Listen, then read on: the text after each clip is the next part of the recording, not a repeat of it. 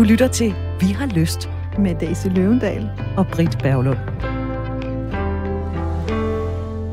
Kære Daisy og Britt, jeg skriver fra et meget smerteligt sted.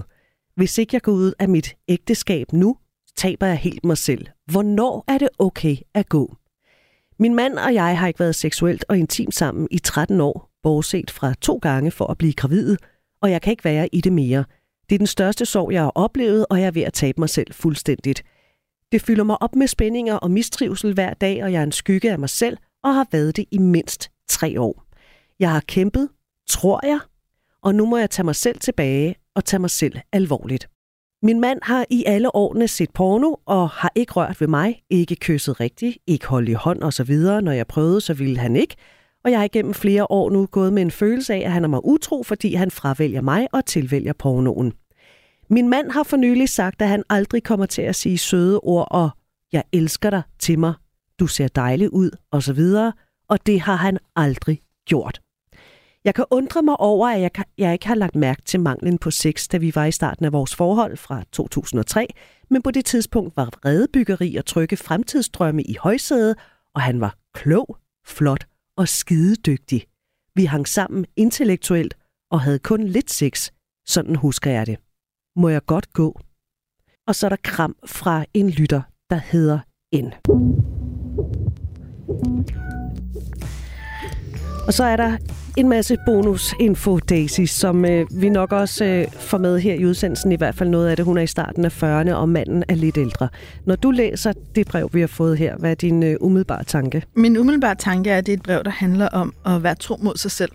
Og det er et brev, der stiller det her spørgsmål. Må jeg godt være tro mod mig selv, når det indebærer at såre en anden og splitte en familie? Så det er det, vi kommer til at tale om. Og øh, for dig, der lytter med, vil jeg også bare lige sige, at øh, skilsmisseprocenten i Danmark nu er på 48 procent. Så der er rigtig mange, der hvert år tager valget om at gå. Og vi har selvfølgelig et menneske med til at tale med om det her. Det er dejligt. med Skamdrup, psykoterapeut og parterapeut, MPF, masser specialist i eksistentiel og oplevelsesorienteret psykoterapi.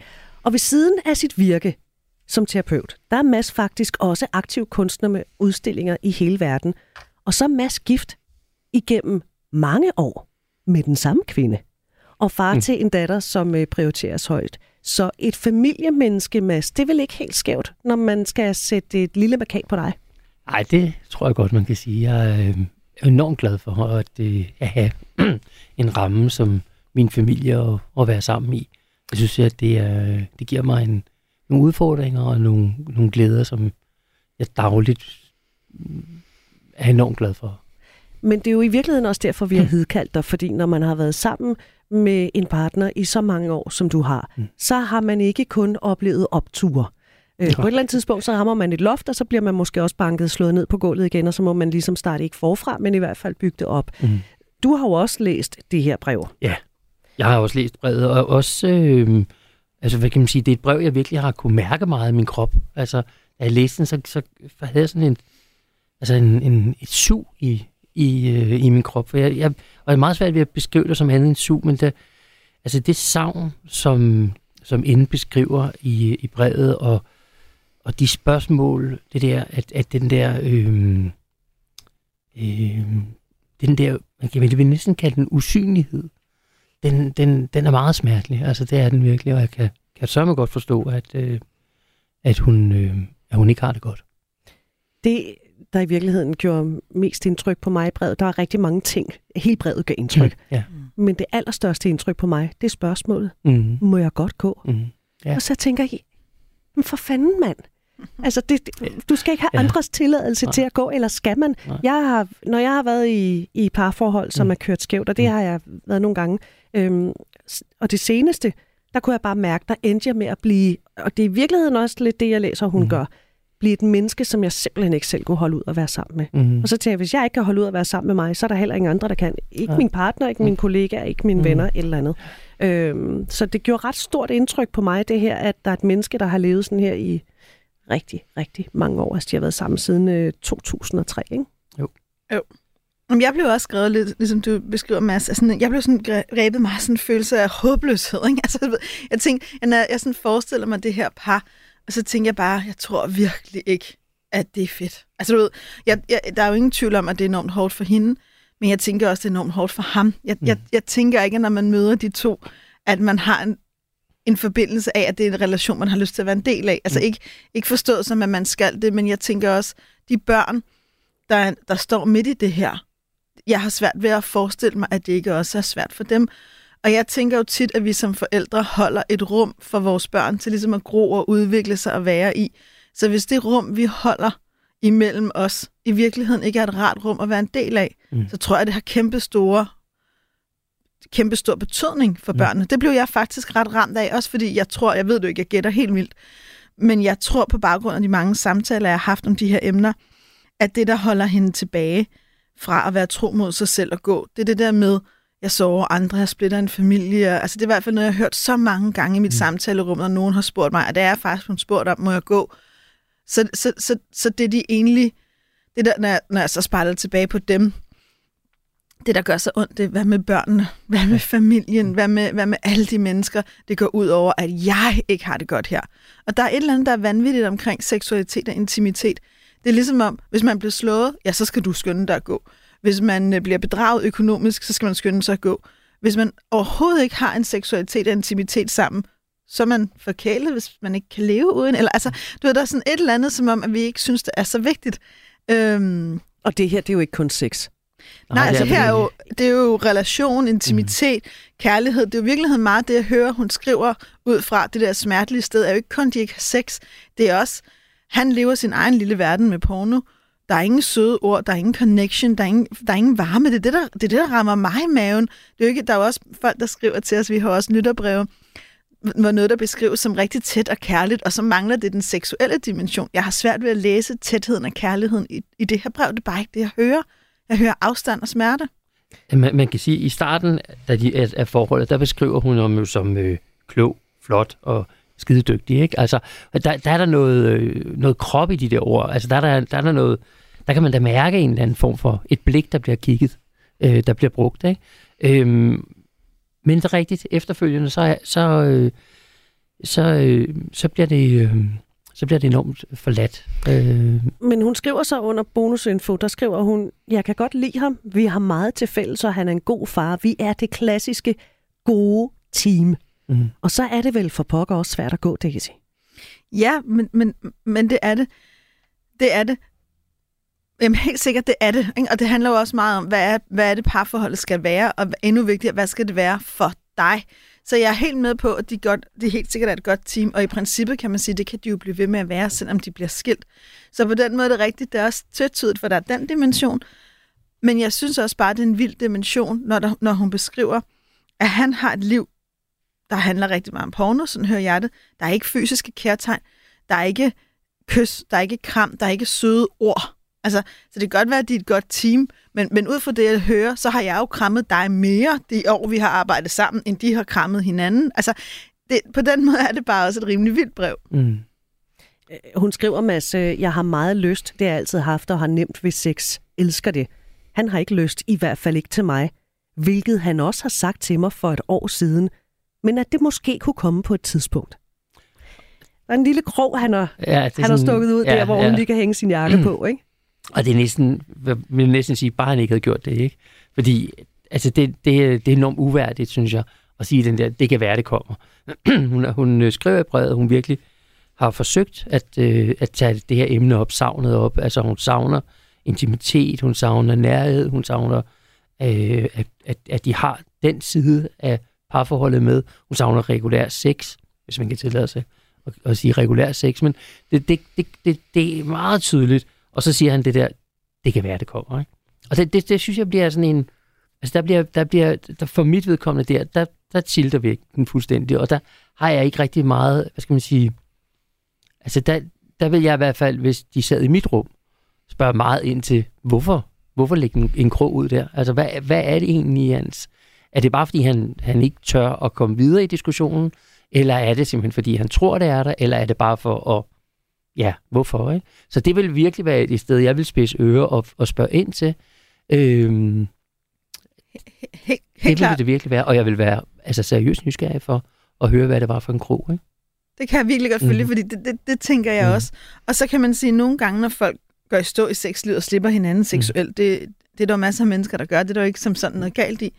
Så hvis der er en eller anden grund, om det er også fordi, vi har været igennem det her, eller vi er i en livskrise, eller vi har Mhm. fået et barn, eller jeg er rigtig presset, så kan det være, at der er noget, der går over, hvis det ligesom er, at der er også noget med Mhm. situationen. Men det her er jo ikke noget med situationen. Det her er jo i virkeligheden sådan, deres forhold har været fra den aller, aller første dag. Ja. Og så tænker jeg jo sådan lidt, okay, så hvis det aldrig har været her, Mhm. mm-hmm. hvad skulle gøre, at det lige pludselig kom? Ja. Altså, Ja. Men jo, men, men, øh, og nu går jeg lige ind, og så siger jeg, at de har jo rent faktisk været sammen siden 2003.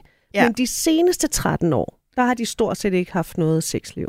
det er rigtigt. Og hun skriver også, som jeg i hvert fald læser det, at der ikke var særlig meget sex, heller Mhm. ikke i begyndelsen. Så det er også det, jeg mener med, at det har været en præmis. Det, det har aldrig været det her superhede forhold. Så kan vi snakke om, hvorfor går man ind i noget, hvis man har en stor sexdrive selv og godt kan lide sex, hvor præmissen er, at der er meget lidt sex, og hvor der ikke er en gensidig interesse. Det er et spørgsmål. Og hvis det er 13 år, der ikke er sket noget, hvad får dig så til at tro, at det lige pludselig kommer, når det ikke har været der i 13 år? Men jeg, men, øh, men jeg tror da, at grunden... Jeg ved det jo ikke, hvis man skulle gætte, hvorfor siger han det? Jeg tænker sådan på det der klassiske stykke, kender I det, venter på Godot? Ja, ja. Ikke? Altså, at man sidder der og venter, fordi Mhm. det kan jo være, at Godot Mhm. kommer, eller der sker et eller andet, og så sander man til, og sandet bliver mere og mere og mere, og man drukner lidt i det. Og det er jo egentlig det, der er det tragiske med det her brev, han der følelse af, I, I sidder og drukner i noget. Ja. I holder sammen på en eller anden illusion, og I er bare så meget ved at sande til. Det tror jeg rigtigt, Daisy, men jeg vil også sige, jeg tror, at jeg, min oplevelse i hvert fald i, i parterapien er også, at vi er mange, som arbejder med forestilling om det der parforhold. Hvad er det for noget? Og, og jeg, jeg, jeg lægger måske noget i brevet, som ikke rigtig er der. Jeg har sagt direkte, men de har set hinanden, og han var jo flot, dygtig og så videre, men de var også et, et godt team, de mødtes intellektuelt i, i noget der, skriver hun. Men jeg tænker også, at, at der fra begge sider, også hans side, og det er jo lidt noget, vi lægger ind, er et ønske om en kernefamilie. Er et ønske om et parforhold, som kan blive til en kernefamilie, som kan blive... Jo, for de har fået to børn. Præcis, de har ikke? brugt sex for at få to ja, børn. Ja. Og, og, og, øh, og det er jo netop den der, altså, at hvis du udfordrer, hvis du ikke udfordrer altså formen, så, så, så bliver den jo også meget smertefuld, øh, tom, meget hurtigt. Ikke? Jeg vil ikke sige, at det er meget hurtigt, at hun skriver det her brev, for hun har virkelig levet med et savn meget længe. Men min erfaring som parterapeut er der også, at der er ma- relativt mange par, flere end jeg i hvert fald umiddelbart regner med, som lever et, et sexløst forhold, og som faktisk har det godt, fordi at de øh, er blevet enige med sig selv og med hinanden om, at de egentlig ikke har lyst til sex, ikke specielt med hinanden, men heller ikke sådan generelt. Så deres måde at komme i mit terapirum har været mere på nogle, i nogle andre, hvad skal man sige, præmisser. Mm. Og det er jo også vigtigt ikke at tillægge et parforhold sex, hvis de ikke ønsker at have sex. Men her har vi jo altså en partner, som direkte ønsker det, og den anden har du så med sit øh, med forbrug af porno, ikke? Mm. Øhm, min mand og jeg har ikke været seksuelt og intimt sammen i 13 år, bortset fra to gange for at blive gravid. Jeg kan ikke være i det mere. Det er den største sorg, jeg har oplevet, og jeg er ved at tabe mig selv fuldstændigt. Den største sorg, jeg har oplevet, Daisy. Altså for mig var det virkelig hjertegribende, da jeg læste det, og det kan jeg virkelig godt forstå.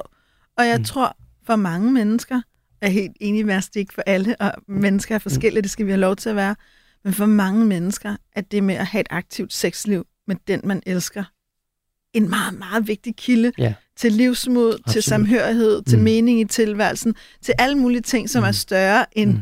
sex, hvis vi Mm. bare sådan, altså, Ja, ja. tænker på det. Og det, jeg jo egentlig hører hende skrive, og det er derfor, jeg tror, sorgen kommer, den kommer af den der følelse af, jeg vil mere. Og det gør så ondt, at jeg ikke kan få det til at ske. Og på den Mm. mm. måde er det jo, som hun siger, et skrevet fra et meget smerteligt sted, fordi Mm. mm. der er ingen, hvad skal hun gøre? Ja, ja. og hun ved ikke, hvad hun skal gøre, og brevet handler også om, at hun føler, at hun har gjort alt muligt. Og nu spørger hun endelig, må jeg godt gå nu? Må jeg godt, må jeg godt slippe nu? Øh, Bare så det sagt. Ja, det må du. Det, du har kun et liv, og det er kun dig, der kan leve det sådan, så du på din sidste dag kan tænke tilbage og være taknemmelig for det liv, du har haft. Men jeg kan godt forstå sorgen, og det fik mig også til at reflektere over det, da jeg læste. At vi nogle gange måske ikke sætter ord nok på, at det faktisk er en sorg, når vi ikke kan nå hinanden der, hvor vi Mhm. gerne vil. Altså, ja. det er jo enormt smertefuldt at stå der og holde sit hjerte ud og ikke blive mødt. Og jeg Altså, det, det er jo sorgfuldt. Ja. Og det er, er faktisk i parforholdet, jeg har mødt de største ensomhedsproblematikker. Det, det er ikke, når folk kommer i enkelterapi. Det er faktisk i, i, par, i parterapien, at, øh, at den øh, monumentale følelse af ensomhed kan være kan opleves altså, størst. Og det er jo måden, vi spejler os i hinanden på, men også måden, vi, vi øhm, hvad skal man sige, nægter at, øh, at lave en, en, en, mm. en refleks. Ikke? Mm. Men det der, det er jeg faktisk rigtig glad for, du siger. Mm. Det synes jeg nemlig er rigtig, rigtig vigtigt, og mm. man ved jo, det er faktisk, men det er faktisk så vidt nu, at omkring for et år siden lavede Københavns Kommune en kampagne ja. mod ensomhed, hvor man simpelthen brugte offentlige midler på at klistre plakater op, hvor der stod, har du hils på din nabo? Når jeg nævner det, for, så er det for ligesom at underbygge, ensomhed er et reelt problem, vi har i det her samfund. Mennesker bliver rent faktisk syge, både i sjæl og krop og psyke af at være ensomme. Og du har helt ret, og det er virkelig vigtigt, at vi også får det med. Ensomhed er ikke det samme som at være alene. Nej. Ensomhed, det er ikke at blive set, ikke at blive mødt, mm. ikke at blive elsket, og ikke få mm. mulighed for at give sin kærlighed. Ja, præcis.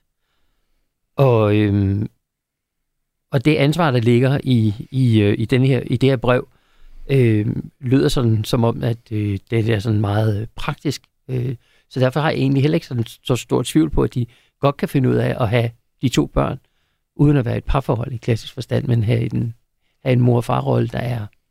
Og måske er der i virkeligheden mennesker udefra, der mm. kigger ind på dem og så siger, Nå, men det er jo den fu- fuldstændig helt almindelige kernefamilie, velfungerende kernefamilie, det tror jeg men hvor man jo så skal være opmærksom på, mm. at man jo ikke nødvendigvis ja. ved, hvad der foregår inden for hjemmets fire vægge. Ja. Lad mig lige komme med noget bonusinfo, fordi nu taler vi også om, om hendes lyst til sex og sådan noget. Hun skriver faktisk, sex er for mig et begreb, som dækker over alt fra at holde i hånd og nusse, have et fælles sprog om sex og til at gå i seng med hinanden. Mm. Så det handler ikke kun om, at øh, øh, stiv penis og mm. alt, hvad der til hører. Mm.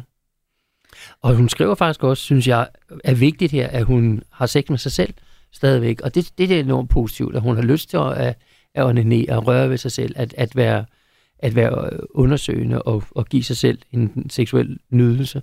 Øhm, så, så der er, jeg synes ikke, at jeg synes, den tyngde, der er i brevet, også har enormt mange sådan øh, øh, lyspunkter at, at, der, at, at, den der, at den der livsglød stadigvæk virkelig er en... Øh, hun altså, er ikke slukket. Nej, hun er virkelig ikke slukket. Mm. Og det skal hun heller ikke blive. Hun skriver, jeg kan undre mig over, at jeg ikke har lagt mærke til manglen på sex, da vi var i starten af vores forhold fra 2003, men på det tidspunkt var redebyggeri og trygge fremtidsdrømme i højsæder, og han var klog, flot og skidedygtig. Vi hang sammen intellektuelt og havde kun lidt sex. Sådan husker jeg det. Det er jo hvad er det, der sker med, hvad er det, der fucker med vores hjerne, Daisy, når Jamen, vi møder der... en lidt ny potentiel partner?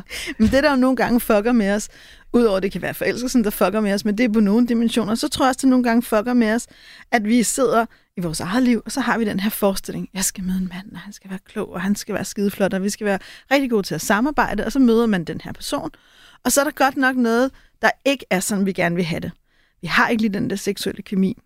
Vi har ikke særlig god sex han tager ikke rigtig min hånd, når der er, jeg prøver at lægge den på hans lov, og han kysser mig ikke rigtig godnat, selvom jeg kysser ham, og jeg prøver at sige, at jeg savner noget, og han ignorerer det lidt. Men nej, nej, nej, nej, nej, han passer ind i mit billede. Nu har jeg lavet en forestilling om, hvordan livet skulle være, og her har jeg mødt en, der passer. Måske er jeg også forkælet. Måske er jeg også egoistisk. Måske skal jeg ikke forvente så meget. Og, jeg kan, og jeg kan jo ikke få det hele. Og jeg kan ikke få det hele, og måske kommer det, klassikeren, ikke? Men når vi bare lærer hinanden lidt bedre at kende. Jeg har mødt enormt mange mennesker, der sidder i mit samtalerum og sagt sådan noget. Måske er han udtryk, måske hun ikke helt klar, måske dit du den datten.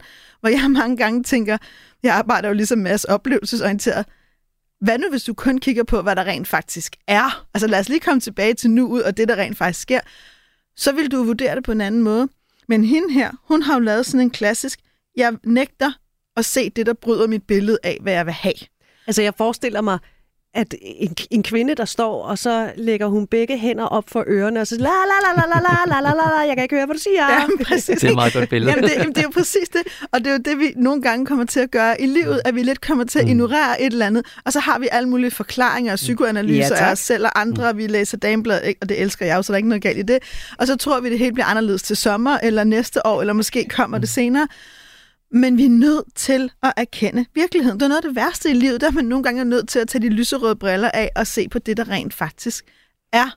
Og det har hun sprunget over. Jeg tror også, at, at dels har hun sprunget over det, men jeg tror også, det er vigtigt at sige, at, at altså, vi kan jo, den person, vi bliver forelsket i, eller bliver tiltrukket af, er jo så også den person, som har de kvaliteter, vi nu engang ser og oplever. Det må vi jo være åbne over for. Man kan jo ikke, eller det er der jo mange, der gør, men det er, synes jeg personligt, en dårlig idé, at være sammen med et menneske, fordi man tror, man kan ændre mennesket.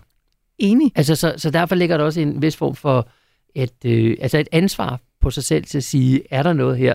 Og man kan jo i sådan et forhold, når man starter det, åbne op for, ja, hvad kan man sige, Ole Henriksen, øh, måden ved at være overdrevet positiv og sige, hold kæft, hvor har du I nogle dejlige it. ben. Hvor, I love it, ikke? And, og, og din, din, dine bryster er fantastiske, din pik, hold kæft, for en god... Altså, alt det der, man kan åbne op for det, for at prøve at, og, og, og, og få den der, øh, den der, øh, altså det der, øh, den der respons helt ud, ikke? Og, og, og det tror jeg ikke, at der er nogen, der tager skade af. Hverken at sige eller, eller modtage. Men det tror jeg ikke, du kommer til at opleve det her parforhold. Mm.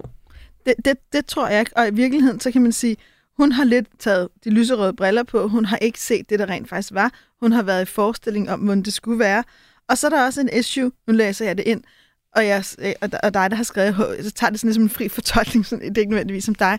Men jeg tænker også lidt, der er lidt mangel på selvværd. Der er i virkeligheden lidt, og det tror jeg mange mennesker lider af, det, det kender jeg også fra mig selv, den der følelse af, men må jeg egentlig godt bede om det, jeg vil have? Er jeg egentlig værdig til at modtage det, jeg gerne vil? Så jeg går på kompromis og går på kompromis og går på kompromis til, at jeg næsten ikke kan mærke mig selv. Mm. Altså, når jeg ligesom bonger ud på den, så er det den der villighed til, hun har jo et eller andet sted fået den mand, hun stadig har. En mm. mand, der ikke er særlig seksuelt opsøgende. En mand, der ikke er særlig nussende, berøring, sanselig, alle de der ting. Men hun er måske som kvinde og som menneske vokset og blevet mere og mere klar over, hvad hendes behov er. Så for mig giver det jo også, altså jeg tænker også videre i den retning, det er jo også en af grundene til, at jeg tror, at det faktisk kan være vigtigt også at gå ud af et parforhold, også for vores børns skyld. Først står vi de mennesker, vi er, for også at lære dem. Og nogle gange i livet må man træffe nogle svære valg for at være sig selv, og for at blive sig selv. Og det kan de modellere efter.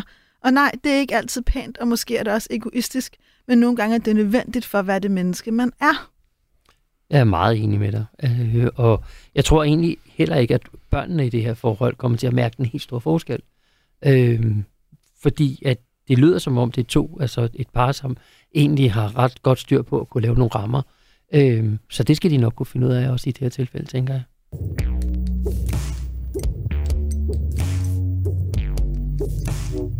Du lytter til Vi har lyst på Radio 4. Vi taler om et langt brev, vi har fået fra en kvinde, og tak for det, der spørger, om hun må gå.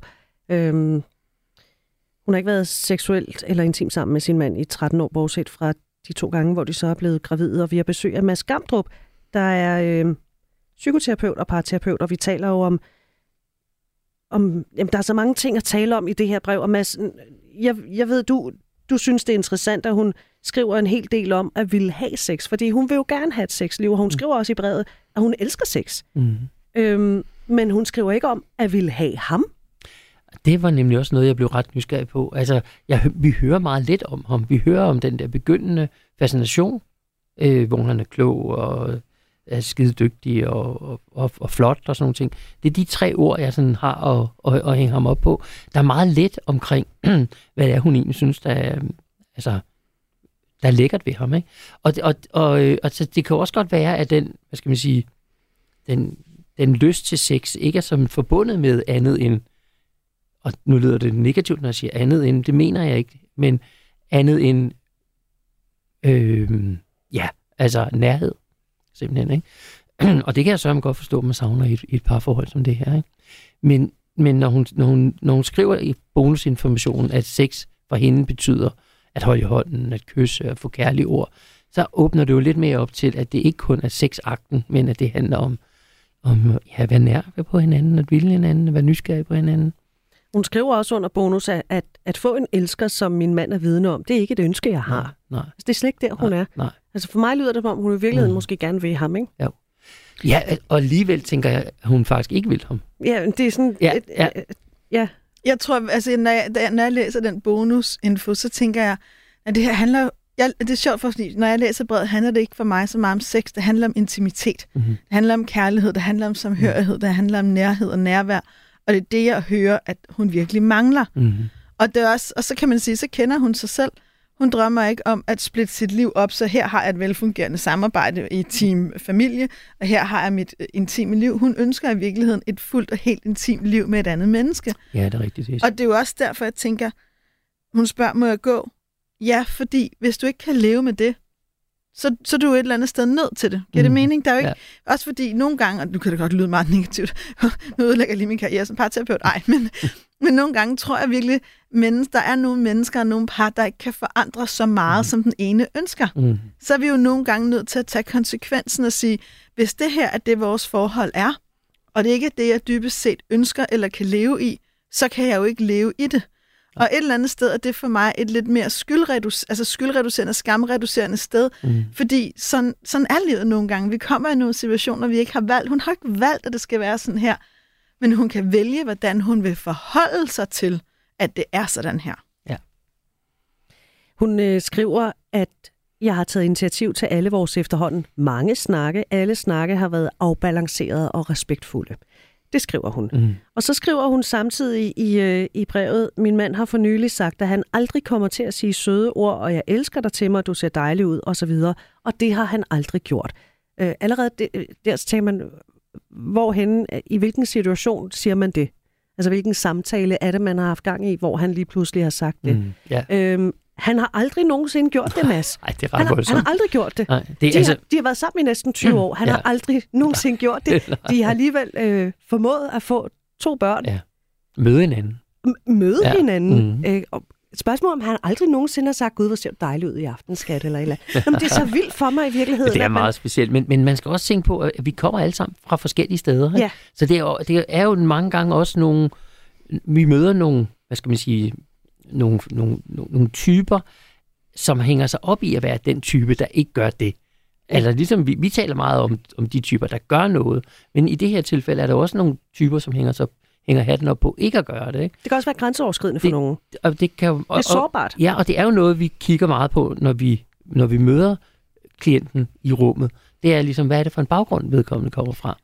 Men jeg, og jeg bliver rigtig nysgerrig på det her par. Øh, og jeg bliver også øh, nysgerrig på det, de skriver om, at de faktisk har gået i parterapi en gang. Og der mener de, de fik værktøjerne til at kunne komme videre.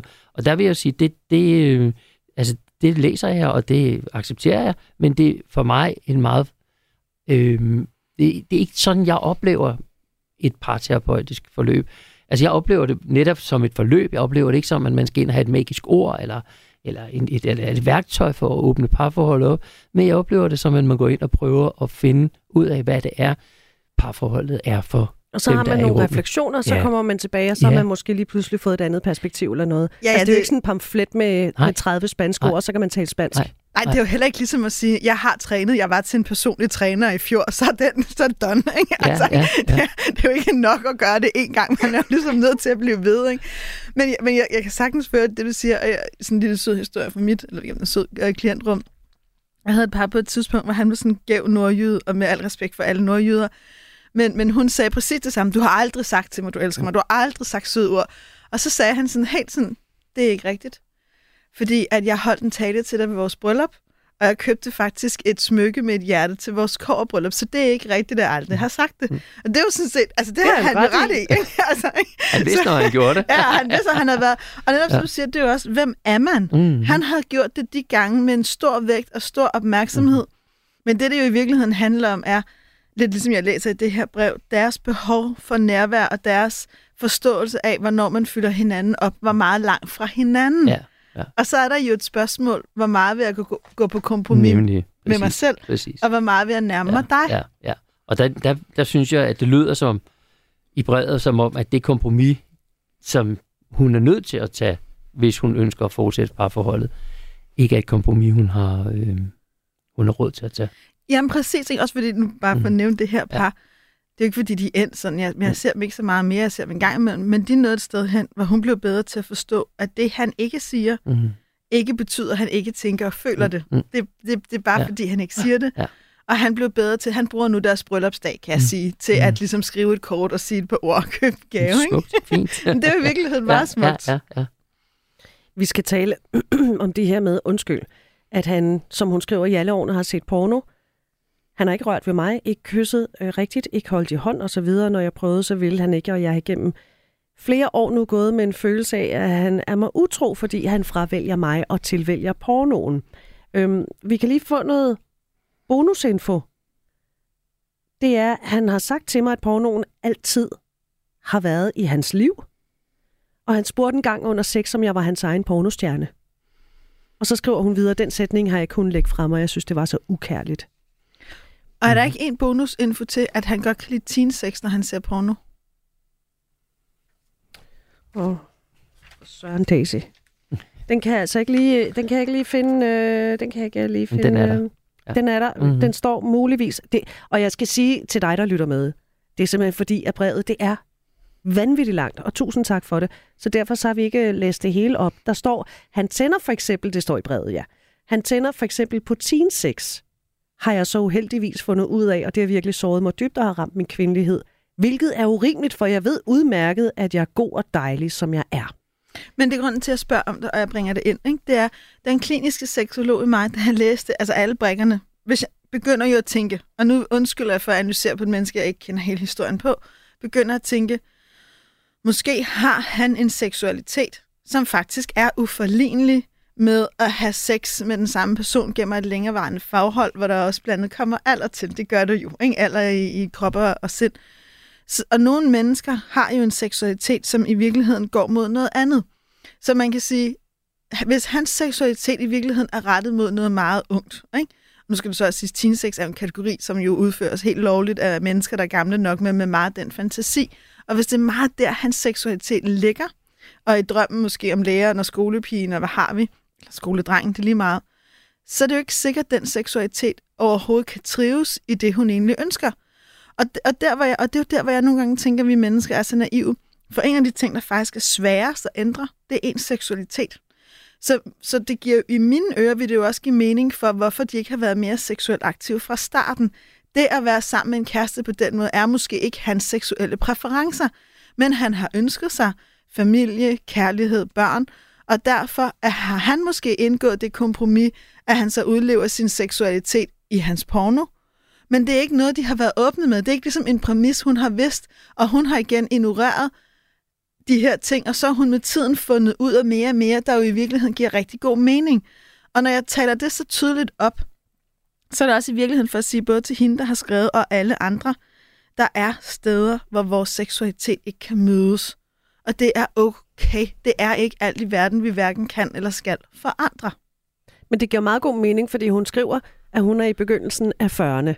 De har været sammen i 20 år, det vil sige, at hun har været i begyndelsen af 20'erne, da de mødte hinanden. Han er så lidt ældre.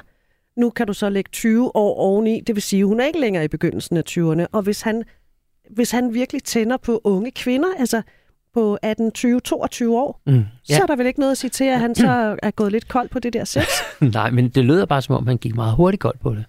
Altså, så, så der er ligesom, altså, der, der, kæden er ligesom hoppet af meget hurtigt i det, ikke? Og jeg synes også, altså, man kan sige, altså, jeg har absolut heller ikke imod, noget imod, at, at, at vi bruger porno, og det er en, en fuldstændig integreret del af mange af vores, vores, øh, vores øh, sexliv. Men, men jeg oplever også, at hvis du ikke dealer med den illusion, eller de illusioner, vi har i parforhold, så, og det kan være for eksempel porno, så, så, øh, så, så øh, bliver det lettere at isolere sig i den der ensomhedsfølelse, ikke? i den der ikke at kunne nås følelse. Og, og det, det, det bliver øh, det, det bliver sgu lidt tragisk. Det bliver lidt på bekostning, ikke? Altså, når, når det gør sådan. Og jeg, jeg synes, at, at, øh, at jeg tænkte også, da jeg læste den der, til, om det giver jo meget god mening, han tænder på unge, og, og de mødte hinanden, da de var meget unge, eller hun var meget ung. Men alligevel ikke, vel? Fordi hvis illusionen ikke ligesom kan vokse, eller kan forandre sig, eller kan udbygges, eller kan, så, så bliver det i hvert fald meget kropsløst, ikke? Kan, kan porno være en seksualitet? Undskyld, Daisy, nu kommer jeg til at afbryde dig. Det gør ikke noget. Ja, altså man kan sige, nogen... Jeg vil ikke sige, at porno kan være en seksualitet. Det er sådan, vi ikke formulerer det. Men der er visse former for seksualitet, der i virkeligheden som udleves meget i pornoen og med den verden og den måde, den ligesom stimulerer på. Og der er jo masser, hvis du ser porno nok, det er også noget af det, der ligger i pornoafhængigheden, så kan det for eksempel være rigtig svært at have sex med en anden person, fordi man vender sig til at gøre det på en bestemt måde. Det er lidt ligesom man ved, man ved fra forskningen, at hvis man nu for eksempel altid onanerer med en vibrator, som fungerer på en anden måde end, end dine hænder. Ikke? Uanset om det er dine egne eller en andens hænder. Og Daisy, hun står med jazz hands. Så, jeg har jazz hands, ikke? Så på et tidspunkt, så kan det faktisk være rigtig svært at bruge hænderne til at onanere sig til en orgasme. For hvis din krop vender sig til, at det er det big magic wand, eller hvad det nu hedder, så, så er det det, din krop kender. Hvis hele din seksualitet foregår med, at du sidder og kigger på noget bestemt porno fra nogle bestemte miljøer med en bestemt æstetik, en bestemt historie, jeg ved godt, at meget porno ikke har den lange historie, men der er dog et plot, en skolepige, eller et pizzabud, eller en kælder, og du onanerer selv, så kan det faktisk være rigtig svært at vende din krop til det, der skal ske, når to mennesker skal dyrke sex. Ikke? Mm. Fordi det er noget andet. Så det er også det, jeg tænker, det der jo i hvert fald er sket midt i, at de har redebygget og været fascineret af hinanden og været et godt intellektuelt match. Jeg ser sådan et hus for mig, hvor de har gået og poleret på huset hele dagen og lavet dejlig mad i køkkenet, og når aftenen så falder på, så har han gået hen foran skærmen, og hun har sat sig og ventet på Godot, ikke? ude i havestuen. Det er og lidt det, jeg Til. Og lavet sig sand til. Ikke? Men han har jo hele tiden været der, hvor han er, og når hun så spørger, er det utroskab? Jeg tror ikke, jeg vil kalde det utroskab, men han er i hvert fald fraværende. Han er jo ikke med hende, og hun, og hun er heller ikke i virkeligheden med ham. Problemet er bare, at hun ønsker at være med ham, og han ikke ønsker det. Hun skriver jo, at det er jo ikke fordi, hun forbyder ham at se porno. Han må gerne se porno, men når det går ud over mig, så er det galt, og nu er lysten til ham desværre helt forsvundet. Ja, og, og det er jo det, altså det er jo også, altså jeg oplever det i hvert fald som, at porno bliver kropsløs, ikke? Og, og så er det jo enormt svært at få den tilbage igen. Øhm, øh, ikke bare på grund af, at, men meget faktisk, som Daisy siger, fordi øh, du bliver meget hurtigt vant, altså mennesket er jo enormt reaktionært. Ikke? Så, så meget hurtigt kan du vende dig til, hvad skal man sige, at blive stimuleret på en måde. Ikke? Og for at bryde den, der skal du virkelig mærke et behov. Altså, eller en, der skal næsten ikke være nogen vej udenom, før du kan det. Eller før du får brudt øh, det blik, eller den, den måde, du, du plejer at gøre det på. Og, og i det her tilfælde har hun faktisk forsøgt over tre år at sige, nu er det nu, skal det. Og, og der har han altså ikke responderet på. Så at hun ikke har mistet sig selv i det, synes jeg faktisk er ret imponerende og flot. Hun, hun gør noget ud af sig selv. Hun har en, en selvfølelse og, og, og glad selvkærlighed. I den, og selvkærlighed. Ikke? Men, øhm. men, øh, men der er jo det, der, altså, når han så ser porno, en mand som ham her, som vi jo virkeligheden ikke rigtig ved noget om, mm-hmm. når han så ser porno, så gør han det ikke, fordi at han så bliver øh, enormt øh, opstemt og, og lysten efter sin kone kæreste. Jeg tror slet ikke, hun det eksisterer handler, i det der. Altså, det jeg tror handler om det, hans tilfredsstillelse. Det handler om, om hans tilfredsstillelse. Jeg tror også, at det har, altså det kan man næsten forstå i forhold til, til TEN-elementet, at det har et øh, ret klart fysicistisk øh, øh, aspekt, og det er jo er hun med på at, at opfordre, op, hvad er det? Hvad, hvad var det for ord, du brugte der? Altså, altså hvad sådan meget sådan billedligt... Øh, en fetish. Fetish, ja. ja. ja, fetishisme. Ja, ja. Fetishistisk, ja. ja. det, nej, nej, det var ikke det andet ord. Vi er ikke ude. Men, nej, nej, det lover jeg dig. Det kunne da godt. Nej, det, det vil ikke være i det her tilfælde. Men, men der, der oplever jeg, at, at mange par ikke er med på at, at indfri den der, fordi der, der ligger en, en fornedrelse oplevelse i det. Og det er ikke, fordi den er der, men den men, oplevelsen kan være der. Jeg synes, der er interessant bonus her. Mm-hmm. Han har haft svært ved, at han har set mig føde, har han fortalt mig. Hvor meget spiller det ind i hele det her? Det er meget, altså det, det er jo virkelig en af dem, der kunne være interessant at tage i rummet, ikke? fordi altså, jeg, jeg har hørt den flere gange i mit terapirum, og når jeg har gået ind på det, har det næsten altid været en, har, det, har der ikke ligget det dybe i det faktisk. Okay. Altså, så, så, så, men, men det er jo en dramatisk oplevelse at se et, et barn komme til verden, og, øhm, og, og, og, og, og det kan være meget øhm, ja, har du selv for set kvinden. det? Nej, vi endte med, min kone fik ja, det på kejsersnit. Det, ja. Ja, det var jo en, en fødsel, der var i gang ja. over lang tid, men så jeg så hende ikke komme ud den vej, men jeg så hende være på vej ja. ud. Ja. Nej, men jeg, jeg tror, jeg tænker lidt det samme som Mads. Mm. Det der, der er det farligt med sådan lidt garvede typer som mig og Mads, fordi jeg har også hørt den der, nah, det var også enormt svært at se dig føde. Ja, men var det der problemet opstod? For hvis du ligesom altid har haft det sådan her, så det er jo en meget fin knage at hænge dig op på. Nå, men god det, undskyldning. Ja, men det, men det her er jo noget, der går langt dybere tilbage. Så kan det godt være, at det at have set hende føde ikke har gjort noget bedre. Eller, altså, men som Masser siger, det er ikke det dybeste sted. Det er ikke den fødsel. Det, det, ikke, at der ikke godt kan være fødsel, men det er en anden problematik. Her, der er alt inde i mig, tænker, nej, nej, det er bare noget, du har kunne sige. Alle de gange, hun, hun har, de har jo haft sådan et spil. Hun er kommet til ham og sagt, altså skat, ikke? det her det går bare ikke for mig. Nu synes jeg, vi skal gøre det her, eller læse det her, eller gå i terapi, eller bla bla bla bla bla. Og så har han sagt, ja, det hører jeg, du siger, jeg er meget respektfuld, jeg er skide klog, ikke? og jeg er flot, og vi er rigtig gode til at tale sammen. Men det er ikke, det er ikke lige nu. Ikke? Og så har han vimset ned i kælderen og set porno, nu er det streng, ikke? og hun har så ventet lidt mere. Og en af de samtaler har han sikkert sagt, det, da du fødte, det var også enormt svært for mig. Men det er jo bare en undskyldning ud af mange. Det er jo, han har jo et mønster af forklaringer på, hvorfor det er, som det er lige nu. Og det... hun har levet illusionen om, at det blev bedre. Jeg kan fandme godt forstå, at de kun har været til én gang parterapi, fordi I pissirriterende kan gennemskue alt, hvad man kommer med. At det er bluff og sandkage, altså. Men problemet er mange gange, at vi bruger ord, som ikke er vores egne. Vi bruger også forklaringer, som egentlig ikke er vores egne. Men det er forklaringer, det er ord, vi har hørt andre steder. Og vi tænker, så passer de ind der. Og det så gør de desværre valid. også et, en, en, vel, en vis del af vejen passer de også ind. Men når du først går ind og siger, hvad, hvad ligger det egentlig af betydning for dig det? Og, og, og, og lytter åben til det, så vil du faktisk vide, eller så vil du opdage, at nogle gange, og det er jo selvfølgelig kun nogle gange, så er det egentlig ikke der, øhm, der er den store nærhed. Man kan sige, ofte i, i, i, de, i de voldsomme begivenheder, er det ikke, hvor voldsomt det er, eller hvor let voldsomt det er. Det handler om måden, vi forholder os til, hvordan det var, eller er på. Mm. Du lytter til Radio 4 og to virkelig irriterende parterapeuter. Den ene det er Daisy Løvendal. Hun er her desværre hver, eller hun er her hver uge. og, og så er det Mads Gamdrup, som er øh, ugens gæst. Psykoterapeut og parterapeut. Og vi taler om et brev, vi har fået fra en kvinde. Et meget langt brev. Tusind tak, fordi du har skrevet til os. Og som du selv skriver, du skriver fra et smerteligt sted. Så tak, fordi at du øh, lægger tillid hos os til, at du muligvis kan få lidt hjælp. Hun spørger i bund og grund, om hun må gå for det her forhold, som ikke er særlig kærligt, og som der ikke er sex involveret i. Er du gået glip af programmet? Vi er allerede 40 minutter inden, så skulle du tage og hente øh, Radio 4's app, fordi så kan du høre det helt fra begyndelsen af, og det gider du godt. Det kan jeg godt se. Nå, de lever i et øh, sexløst forhold. De har haft sex sådan roughly to gange i løbet af de sidste 13 år. Det har resulteret i to børn. Det synes jeg skulle alligevel er meget godt klaret, hvis det har været sådan, altså bullseye hver gang. Altså, det, nå, men, det er sjældent hørt. nå, men det, det synes jeg sgu egentlig. Nå. Men, øhm, og han, han ser så porno, han, han bruger porno. Mm. Øh, hun har øh, selvkærlighed, hun onanerer, hun går i lækkert undertøj for sin egen skyld. Mm. Hun er nysgerrig på sex, og så føler hun sig godt skåret. Så hun lyder som en kvinde, som sådan, jeg ved sgu godt, hvad jeg er værd. Ja. Jeg, jeg er faktisk ret lækker. Og det er ikke, fordi vi skal cykle super meget rundt i det der porno, det lidt skal vi alligevel. Fordi jeg synes, det er så mærkeligt. Jeg spurgte for nogle minutter siden, om det virkelig kan forholde sig sådan, at man sidder og ser porno, og så har man ikke lyst til et andet menneske. Noget af Tror det, du, han lever fedt et fuldstændig sexløst forhold? Altså, til ja, alle? Altså, jeg, jeg, jeg må indrømme, jeg har også spurgt, øh, jeg spurgte Daisy på et tidspunkt, for jeg blev også meget i tvivl.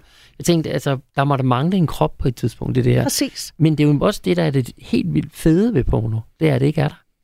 Altså, at det, kroppen det, er, ikke er der? At kroppen ikke er der, ikke? At du virkelig sådan er, at, at der mangler en dimension der. Altså, det er jo lettere at at være i, når illusionen er så tydelig, som den er. At den ikke er ligesom all around. Altså, så, så, så fordi jeg tror egentlig, da jeg læste det første ting, var jeg sådan, ah, han må få kroppen et andet sted. Men det tror jeg faktisk ikke. Ik- ikke, ikke i dag. Altså, når jeg læser brevet, og jeg læste det igen her øhm, i, i, i morges, så er jeg mm. slet ikke der. Man slipper simpelthen for så mange dejlige problemer, når man øh, ikke behøver en anden krop. Nej, fordi men, men, du slipper jo også for at forholde dig til et andet menneske, og til hvad det menneske end ja. selv kunne ja, have lyst ja, til. Ja, ja, og det lugter ikke, og der er ikke nogen øh, slapslasklyde, eller noget, der øh, fedter rundt, eller en lille vind, eller et eller andet Og man andet, kan gøre det, når man vil. Præcis. Ja, ikke? Og man altså, bliver ikke gravid af det. Nej, præcis. præcis. Og hende, der har vi på pornofilm, vi nyder det altid. Ikke? Altså, ja, man skal ikke undervurdere, hvad, hvad det kan. Men, øh, men for, fordi du sagde det her med, øhm, er der noget krop, der savner? Er, er der måske noget krop? Så kunne jeg ikke lade være med lige at øhm, lige, øh, du ved, øh, køre mit indre kliniske seksologrepertoire igennem. Og det vi ved, det er, at cirka hver sjette mand i Danmark mellem 18 og 65 år har erfaring med købesex. Og hvis man omsætter det til nogle tal, så svarer det til cirka et sted mellem 260.000 og 285.000 mænd, eller 15,5 procent af de danske mænd. Så vi skal jo også bare huske, det tænker jeg i hvert fald. Jeg nogle gange bruger de her tal til at tænke over, det er jo nogen. Altså, når det er hver sjette danske mand, og der er langt flere mænd, der bruger købesex end kvinder, man mener faktisk, at udviklingen går mod, at det bliver mere jævnt fordelt, så er der jo nogen, der netop får kroppen der. Og det er det er mange forskellige typer, vi kunne lave et helt program om. Skriv, hvis du ønsker det på løsnablagradio4.dk. Men nogle gange er det jo også dem, der har en seksualitet, som de ikke føler kan udleves i de rammer, de er i. Der er købesexen på en eller anden måde en løsning, fordi det er ikke utroskab, det er ikke en affære, det er ikke et andet, en anden relation. Det er bare kroppen i det intime. Men samtidig så tænker jeg også, at der også er noget i de, øh, uanset om du taler om købesex, eller om du taler om, om porno, brugen af porno, som også er lidt vigtigt i forhold til, i hvert fald at, at være opmærksom på, det er, det, det er, at der ikke er et ansvar for at gøre den anden glad eller at tilfredsstille noget Det er jo andet end sig selv. egoisme. Det er sådan en, en, hvad kan man kalde det, et, et, et blik på sig selv kun, ikke? Ja, Mm. jeg synes også, at egoisme kan være et meget godt ord, men det er, ikke, det er bare meget negativt lavet, når vi siger det sådan her, ikke? Og det behøver det jo ikke at være. Nej, altså det synes jeg så måske lige i det her tilfælde. I at det her er det. I det når her er han det. i virkeligheden har en, en, Mm. øh, en, en kone kæreste, en dame, Mm. som rigtig gerne vil ham. Ja, er Fordi rigtigt. det, det hører jeg, ja, hun det er vil. rigtigt. Og hun skriver, at hun kan mærke, at hun har brug for at høre, at jeg er dejlig og lækker. Og lige så vigtigt har jeg så stort et behov for også, ret, for også at måtte sige det til ham. Mm. Og så skriver hun pause eller tankestreg. Eller en anden, som gerne vil tage imod. Og der skal vi lige gentage at, at få en elsker, som hendes mand er vidne om. Det er ikke et ønske, hun har. Nej. Øhm, og sex for mig er i bredeste forstand at give og tage. Altså det gode guitarforhold, ikke? Mm. Men han har jo sagt, jeg kommer ikke til at sige, at jeg elsker dig. Mm. Jeg kommer ikke til at sige, du er dejlig. Må hun gå? Ja, det må hun da. Hun må da virkelig, virkelig, virkelig gerne gå. Og det er, det er også, de kommer i kontakt med nu, han har lyttet der. Han har faktisk været meget ærlig. Han Det har har jo han. faktisk været meget ærlig med, her er jeg. Der er nogle ting, jeg ikke gør, og jeg har heller ikke noget ønske om at blive sådan en, der gør det. Så han har jo faktisk stillet sig frem og sagt, her er jeg. Nu, nu er det hendes tur til i virkeligheden i eksistentiel forstand at stille sig frem og sige, og her er jeg. Og, og jeg kan ikke lade være med at tænke, nu jeg kom til at tænke på en kvinde, som jeg, jeg har kendt, hun er desværre død nu, hun døde, da hun var 50, som var så ulykkelig i sit parforhold. Hun brugte så mange år på at være ulykkelig i sit parforhold, blev skilt øh, i slutningen af 40'erne, og så oplevede hun det, hun havde drømt om. Så oplevede hun, at det fandtes. Og så døde hun kraftedeme på tre måneder af cancer. Ikke? Og når jeg tænker på det, og når jeg tager ved lære en som hende, så er det fordi, jeg har sådan en, jeg har sådan en dyb ydmyghed over for den tid, vi er her, og vi ved ikke, hvor længe den er, og vi ved ikke, hvor meget vi får. Så når nogen, så når jeg læser et brev som det her, og hun spørger, må jeg gå, så tænker jeg, hvis det her var de sidste år af dit liv, hvad vil du så bruge dem på? Altså, fordi vi ved aldrig, om den der fremtid, vi sidder og venter på, kommer. Altså, vil du så virkelig sidde i det? Og hvis hun kan helhjertet sige, ja Daisy, det kan jeg mærke, jeg vil, så har jeg den største respekt for det, for det er kun en, der ved, hvad der er rigtigt. Men jeg synes, at døden har en lærdom til livet, også i de her svære situationer, at sige, er det virkelig det? Er det den bid, jeg godt vil have af livet, hvis min tid, hvis der ikke var den der fremtid, jeg går og håber på? Og jeg har det personligt sådan, jeg vil ikke leve på en måde, hvor jeg lever en fremtidsdrøm. Jeg vil leve på en måde, hvor jeg kan dø og sige, at jeg levede det liv, jeg ville have. Jeg fornemmer, at der er indtil flere udråbstegn efter dit ja, du må godt gå. Men hun skriver, Mads, vi er et godt team. Og det tror jeg også, Ja, de er i den forstand, at de sagtens kan finde ud af at være ikke, altså være forældre, men uden at være i, i, et, øh, i et parforhold. Jeg tror egentlig sagtens, de kan finde nogle rammer, som børnene vil øh, opleve som trygge, gode, kærlige rammer, øh, og så være, øh, øh, og ikke være et par mere. Og så, så, ja, så, så den der, det der team, tanken om det der team, og det klassiske team, og det bygger bare videre på tanken, jeg har om, at, at, det, at kernefamilien her har været sådan et, et behov som en tanke, som en, en form, og for måden, de fylder den op på, måden, de ligesom vægter værdier i det på, i parforhold på, det er sådan måske ikke så vigtigt. Og der vil formentlig ikke være særlig mange, der løfter et øjenbryn, hvis der er, hun vælger at gå, jamen Nej, der er rigtig mange jeg. Det forhold, der går i ja. stykker hvert år. Hvad er konsekvenserne af ikke at gå? Jamen, det vil være, at hun mister den selvrespekt, øh, som hun øh, er, er, har øh, følelsen af, at, øh, at, øh, at den, den, den vælter lidt. Ikke? Og det kan jeg, vil lige være banden, jeg kan Det virkelig godt gerne. forstå, fordi at øh, det, er, det er så et, et udtalt, altså hun er, hun er så bevidst om sit behov, som ikke bliver dækket ind. Og, og hun, jeg er sorry to say, men eller, det er jo fedt at vide, at det er ikke der, hun får det. Og hvis hun vil have det, så må hun skabe det et andet sted. Jamen, jeg tænker nu i det samme ting. Jeg vender også lidt tilbage til noget af det, jeg sagde i starten. Det der med, jeg tror, det, det jeg i hvert fald har oplevet rigtig mange sige til mig, det er, det er frygten for, hvad det gør ved børnene. Og der er jo masser, der har udtalt sig om, hvor svært det kan være for børn, og det anerkender jeg 100% sikkert. Men jeg oplever det meget som, det er ikke skilsmisse i sig selv, der er krisen og traumet for børn. Det er, hvis forældrene ikke kan håndtere det. Og som masser også siger, her lyder det jo som to mennesker, der faktisk er gode til at være team. Hvorfor skulle de ikke kunne håndtere det? Altså, der er jo masser af børn, der vokser op med skilsmissefamilier, som fungerer rigtig godt, som er rigtig gode til at samarbejde og kan skabe tryghed. Og det, jeg synes, vi ikke taler nok om, det er konsekvenserne for de børn, der vokser op i ulykkelige parforhold.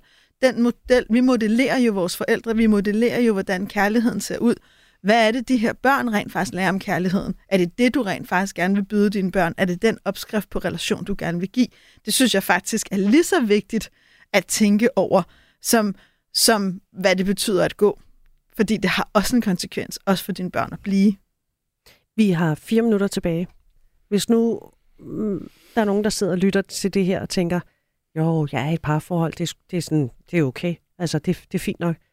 Hvornår, hvornår ved man, om man skal gå fra et parforhold? Nu har vi taget udgangspunkt i et meget, meget konkret brev, vi har fået fra en kvinde, der hedder N. Øhm, men hvornår ved man, om man skal forlade sit parforhold? Eller er det bare måske i virkeligheden her, hvor der er gået næsten 52 minutter, dagens dummeste spørgsmål? Nej, jeg synes, det er et meget godt spørgsmål, og jeg synes også, at det er et spørgsmål, som, som, øh, som der bliver stillet her. Ikke? Øh, men jeg vil sige det på den måde, at hvis du er i et parforhold, og ikke bliver mødt i et parforhold, og, og der ikke er hvad kan man sige, lyst til at arbejde med, hvad det er for nogle rammer, hvad der skal være i de rammer, som parforholdet øh, fylder ud, eller kan fylde ud, så synes jeg, at der er et problem, som jeg ikke tror på kan løses. Øh, og så må man jo måske øh, sige, så er det ikke her, det skal, det, det, det, det jeg skal være. Ikke? Det ligger ikke, ansvaret som sådan ligger jo i, hos, hos parerne i sig selv. Her, det her ligger det jo på hos N, fordi det hindrer at skrive brevet, men det ligger jo også hos en mand, som, som, som også har et ansvar for det, men, men de kan ikke mødes i det. Så, så, så jeg tænker, det for mig vil jeg sige, et, et hvert parforholds ansvar ligger hos den enkelte. Altså, jeg synes, du sagde noget, der var rigtig fint i starten, Britt, at du sagde det med, at jeg har oplevet selv at blive et menneske, som jeg ikke vil være.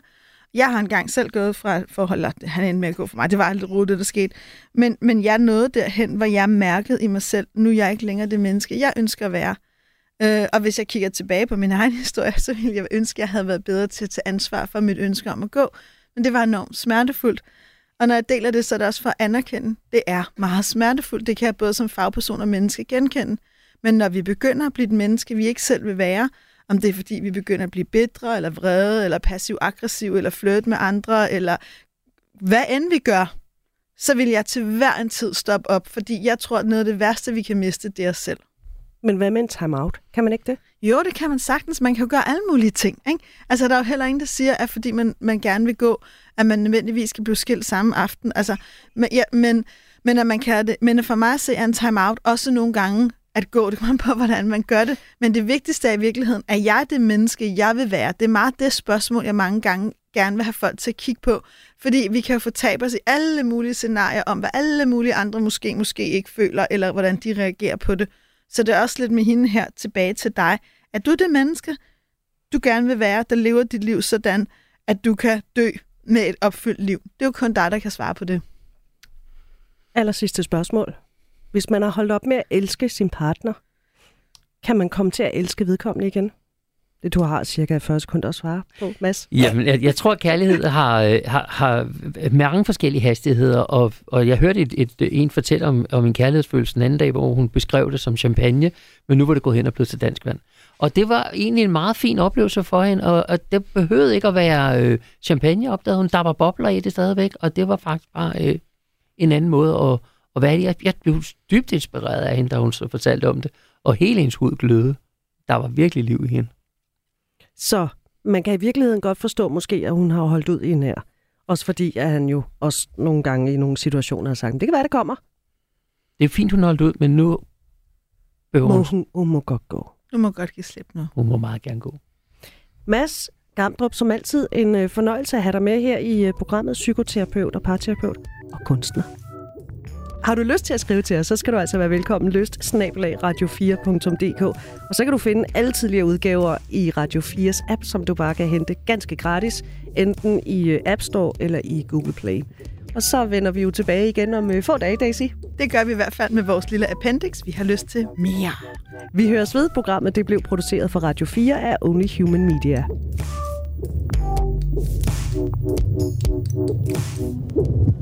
Thank you. Thank you.